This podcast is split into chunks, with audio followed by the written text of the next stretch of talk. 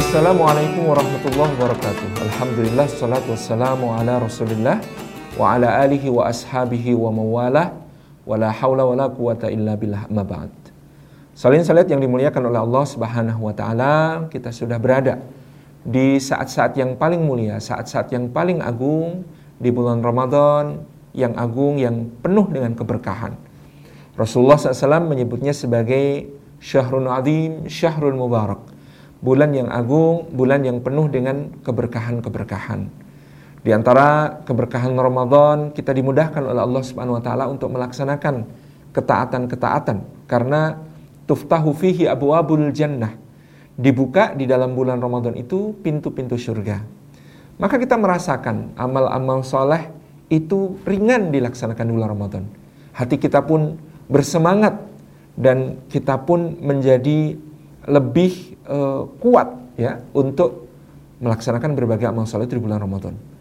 Kalau kita pikir-pikir uh, semangat kita untuk sholat berjamaah misalnya di bulan Ramadan ini pasti lebih tinggi daripada di bulan-bulan yang lain.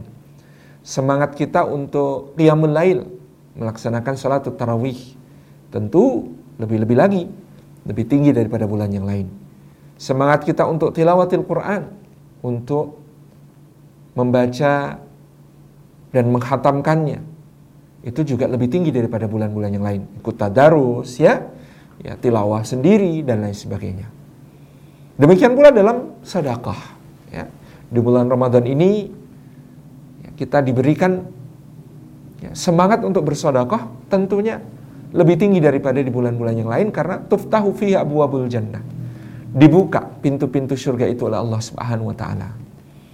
Jadi ini memang menjadi eh, kesempatan yang luar biasa untuk kita semuanya di dalam menunaikan hak harta kita yang wajib misalnya dengan zakat zakatul mal yang sudah mencapai nisab yang sudah haul ya kita bayarkan di bulan ini sebagai pemenuhan kewajiban kita. Di luar itu, tentu ini sebuah waktu yang sangat utama untuk mengeluarkan sodakoh-sodakoh yang sunnah.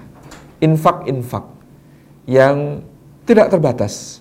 Bisa meliputi berbagai hal di bulan Ramadan. Salah satu misalnya yang utama di bulan Ramadan seperti yang dijelaskan oleh Rasulullah Sallallahu Alaihi wa alihi wasallam adalah dengan berbagi makanan berbuka berbagi istilah kita di Indonesia takjil atau iftar. Makanan berbuka ini bahkan Rasulullah SAW menyebutkan menjadikan kita ketika berbagi ia kepada sesama membuat kita mendapatkan pahala dari orang yang berpuasa tersebut tanpa mengurangi pahalanya sedikit pun. Masya Allah ya. Jadi dengan kita bersodakoh untuk takjil, untuk iftar di bulan Ramadan, katakan demikian, barangkali dengan begitu ketidaksempurnaan puasa kita bisa tertambal, bisa terganti, bisa disempurnakan dengan pahala dari puasanya orang lain yang menikmati hidangan berbuka puasa dari sumbangan kita, dari infak kita. Dan Nabi Shallallahu Alaihi Wasallam menyebutkan kita tidak perlu malu meskipun yang kita berikan itu sesuatu yang mungkin tidak banyak. Nabi SAW misalnya menyebutkan sehirup susu, seteguk air, sebutir kurma, ya, untuk menggambarkan besarnya semangat berbagi di bulan Ramadan ini, ya, tanpa memandang berapa yang kita punya. Dan ini adalah sebuah uh, kaidah penting ya di dalam kita berbagi dengan sesama yaitu jangan malu memberi sedikit karena tidak memberi bersebab malu itu lebih sedikit lagi daripada memberi sedikit gitu ya. Jangan malu memberi sedikit karena tidak memberi karena malu itu lebih sedikit daripada uh, memberi sedikit ya, masya Allah. Jadi berbagi itu tidak menunggu kaya, tidak menunggu berlimpah, tidak menunggu banyak, tetapi apa yang bisa kita lakukan sekarang? Mari kita berbagi agar Allah berkahi harta kita. Ramadan adalah golden time for sedekah. Karena para sahabat menyebutkan Rasulullah Shallallahu alaihi wasallam adalah orang yang paling dermawan. Dan pada bulan Ramadan, kedermawanan Nabi Shallallahu alaihi wasallam itu seperti angin yang bertiup. Kita tahu kalau angin bertiup itu ya hampir terasa setiap saat. Terus menerus, tidak pernah putus, bergerak dan terus bergerak. Inilah contoh dari Nabi Shallallahu Alaihi Wasallam tentang sebuah semangat untuk terus berbagi di lebih-lebih bulan Ramadan yang penuh dengan keutamaan. Kalau bersedekah di bulan yang lain dilipat gandakan oleh Allah Subhanahu wa taala misalnya dengan bahwa menja'a bil hasanati falahu asyru amsalihah orang yang datang dengan membawa kebaikan-kebaikan, maka dia akan dibalas oleh Allah 10 kali lipatnya. Atau permisalan dari harta yang dinafkahkan di jalan Allah itu seperti sebutir benih. Kama habbatin ambatat sab'a sanabila fi kulli sumbulatin mi'atu habbah. Wallahu yudha'ifu liman yasha. Seperti sebutir benih yang menumbuhkan tujuh runggai. Tujuh cabang-cabang. Di setiap runggainya ini ada seratus biji lagi yang muncul. Maka dia lipatnya tujuh ratus. Wallahu yudha'ifu liman yasha. Sedangkan Allah Subhanahu wa taala melipat gandakan bagi siapa pun yang dikenakinya. Itu di luar bulan Ramadan. Bagaimana dengan bulan Ramadan yang Allah Subhanahu wa taala menyatakan setiap amalan sunnah itu dinilai sebagai fardu dan setiap amalan fardu dilipat gandakan sampai ke 70 kali lipat atau terserah kepada Allah Subhanahu wa taala. Ramadan ini benar-benar golden time for sedekah karena ketika di bulan yang lain sedekah itu dilipat gandakan oleh Allah Subhanahu wa taala menjadi 10, 700 bahkan Allah melipat gandakan bagi siapa pun yang dikendakinya tanpa batas, apatah lagi di bulan Ramadan. Di bulan yang penuh keagungan, di bulan yang penuh dengan keberkahan. Dan kita sedang diuji oleh Allah Subhanahu wa taala dengan kondisi pandemi Covid-19 yang tentu ini menjadi ujian berat bagi sebagian saudara-saudara kita. Ada yang kehilangan pekerjaan, ada yang omset mereka turun drastis dibandingkan dulu, ada yang bahkan kemudian ya, merugi dan terus merugi, ada yang sama sekali bisnisnya tidak jalan, ada yang terpaksa harus mengurangi karyawannya dan tidak mampu menggaji mereka. Dan kita semua berada dalam kesulitan itu, tentu bagi yang masih diberi kemampuan oleh Allah Subhanahu wa taala ia adalah ujian untuk kita menunjukkan kepedulian kita.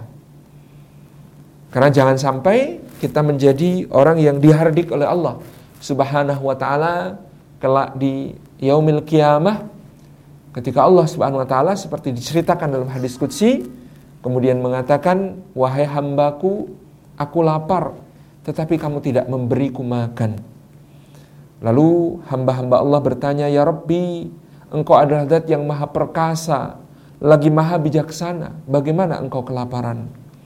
Maka Nabi eh, maka Allah Subhanahu wa taala menyatakan, bukan aku tetapi ada seorang di antara hambaku yang dekat dengan engkau, yang ada dalam jangkauanmu yang lapar, tetapi engkau tidak peduli kepadanya. Engkau tidak mengeluarkan hartamu untuk membantunya. Engkau tidak mengulurkan tanganmu untuk membantunya. Lalu Allah menegur lagi, wahai hambaku, aku telanjang tapi engkau tidak memberiku pakaian. Ya Rabbi, engkau adalah zat yang maha perkasa lagi maha bijaksana. Bagaimana mungkin engkau telanjang?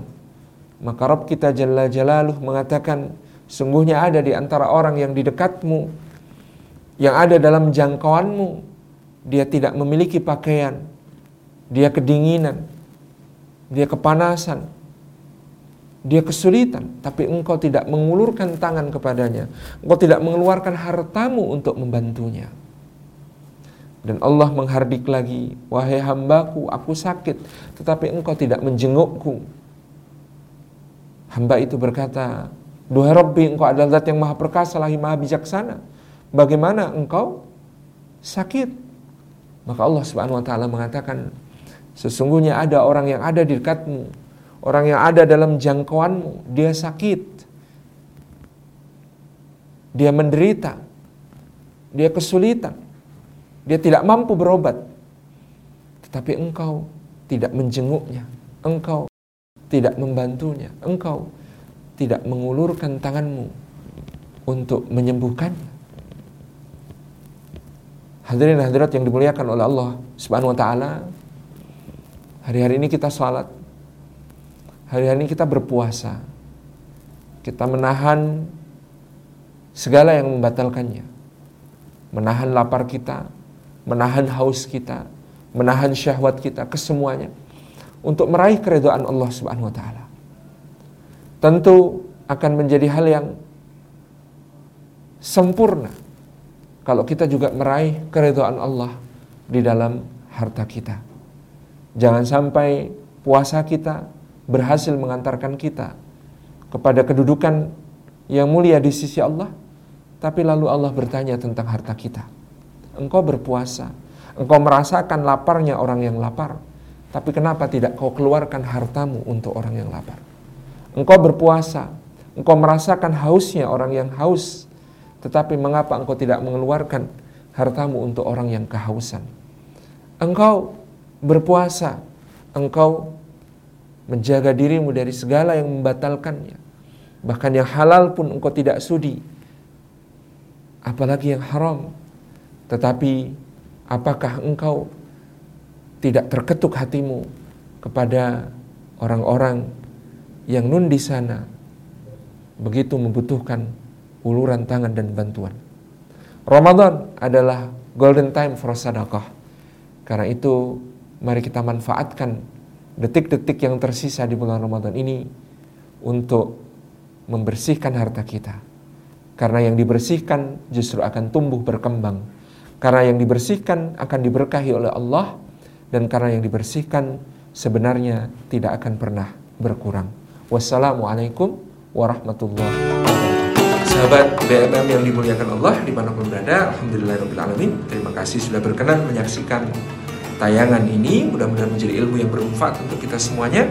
Dan mari kita uh, sisihkan bagian dari harta kita di bulan Ramadan yang mulia ini kesempatan yang sangat luar biasa untuk menjadikan harta itu sebagai sumber pahala yang tiada putus, sumber pahala yang besar, sumber pahala yang agung dengan bersedekah fi sabilillah dari program buka puasa untuk para yatim dan duafa yang membuat kita insya Allah bisa mendapatkan pahala puasa mereka sampai program-program lain dan juga hadiah lebaran untuk menggembirakan saudara-saudara kita yang kurang mampu.